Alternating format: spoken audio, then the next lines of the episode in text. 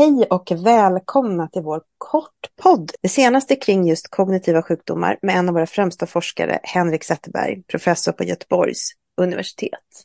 Du är nyss hemkommen från ett pannlobsdemensmöte. Vad talade man om där? Vad är det senaste kring pannlobsdemens? Det senaste det är så, en så himla speciell sjukdom. Eh, för den pannloben, det är ju där ens, eh, om man ska vara riktigt eh, eh, mm. förenklande eller grov här nu, så där, i pannloben sitter överjaget om man ska prata med Freud. Det är verkligen det är ju den del av, som, av hjärnan som är den mest mänskliga om man ska, och, mm. man tänker sig evolutionärt nästan. Så där sitter mycket av ens eh, omdöme och planeringsförmåga och även lite mm. komplext känsloliv mm. i pannloben. Och pannlobsdemensen är ju då en pannlobssvikt. Och de första symptomen vid pannlobsdemens är ju lite alltså medelålderskrisliknande ofta. Mm. Alltså det här mötet var anordnat av Halloway-familjen.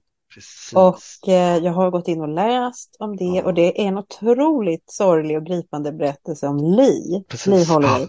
Han var en eh, framgångsrik programmerare och en av grundarna till ett stort techbolag liknande och tillsammans var verkligen i framkant med sin, sitt arbete och så var en av de skarpaste där och helt plötsligt började han bete sig väldigt märkligt under en lång tid. Mm. Och man visste inte vad han, alltså precis det här vi var inne på, att hur svårt det är att diagnostisera någon som då hade de här personlighetsförändringarna, trötthet, annat och så. Och det fick sådana konsekvenser. Han lämnade sin fru med barn. Han klarade till slut inte av sitt arbete men hade en hela tiden som en blasé, nonchalant inställning till allting. Vilket gjorde att folk blev sura, arga, det var svårt att hålla kvar vänner. Det var verkligen en sorglig utveckling i hans liv och ingen förstod vad det kunde vara eftersom han var så ung. Mm. mm. Men jag tror att han var 38 eller något sånt. För... Ja, just, jag tror han fick diagnosen när han var 36 redan. Ah. Men sen är det lite speciellt med honom för han har de här första symptom, eh, symptomen skulle nog kunna spåras tillbaka till hans första äktenskap också. Så att det är ja, ytterligare, ja, utan att det var tydligt. Han lyckades, sen lyckades han ju träffa Christine Holloway som då ja. hon hade relation med henne och gifta sig med henne.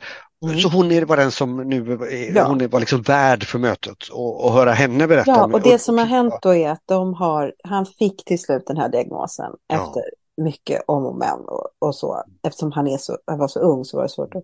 Och nu har de då, han kan inte längre tala, bor på boende om jag har förstått rätt. Ja. Och denna briljanta hjärna är inte längre i samma värld som vi är nästan. Men det har fått något gott med sig det att de jobbar ju jättehårt för att sprida information om den här diagnosen och eh, eh, även då bidrar till forskning på olika sätt. Ja, man pratar om de här sjukdomarna, att de blir synliga. Eh, Lee Holloways historia har ju kommit i ganska eh, stora artiklar och även på tv och sådant. Och bara att man mm pratar mm. om de här sakerna gör ju att, att det faktiskt behöver göras någonting eh, för att hjälpa människor som drabbas av de här sjukdomarna. Eh, där tror jag det har en jättestor betydelse. Bruce Willis var, har ju också en pannlobsdemens. Ja, jag tänkte säga det. Ja, det har också betytt och, mycket. Ja, Robert Williams visade sig ha kanske leverkroppsdemens mm. eh, faktiskt. Mm. Han gick ju självmord och många trodde att det var hans att han hade ja. liksom problem med lite droger och sånt. Men det, det är också varit en, den har alltså liknande symptombild med pannlobssvikt mm men väldigt olika. Det finns undergrupper som är distinkt molekylärt olika. Så vissa har TDP43, andra har något som kallas för dipeptidrepetitioner. Eh, det finns också helt sporadiska varianter där man inte hittar någonting. Lee Holloways fall är faktiskt ett mysterium fortfarande var exakt det som gjorde att han fick den här pannlobsvikten. Mm. Eh, och där pågår lite ytterligare undersökningar och så. Så där är det alltså liknande symptombild men olika underliggande patologier. Mm. Och om man ska gå in och bromsa upp de här sjukdomarna så är det sannolikt så att man måste avgöra vilken molekylär form av pannlobsdemens mm. det är. Och det kan man i vissa fall göra på genetisk basis. Mm. Men ibland så måste man göra proteinanalyser eller att det kanske blir hjärnavbildande undersökningar.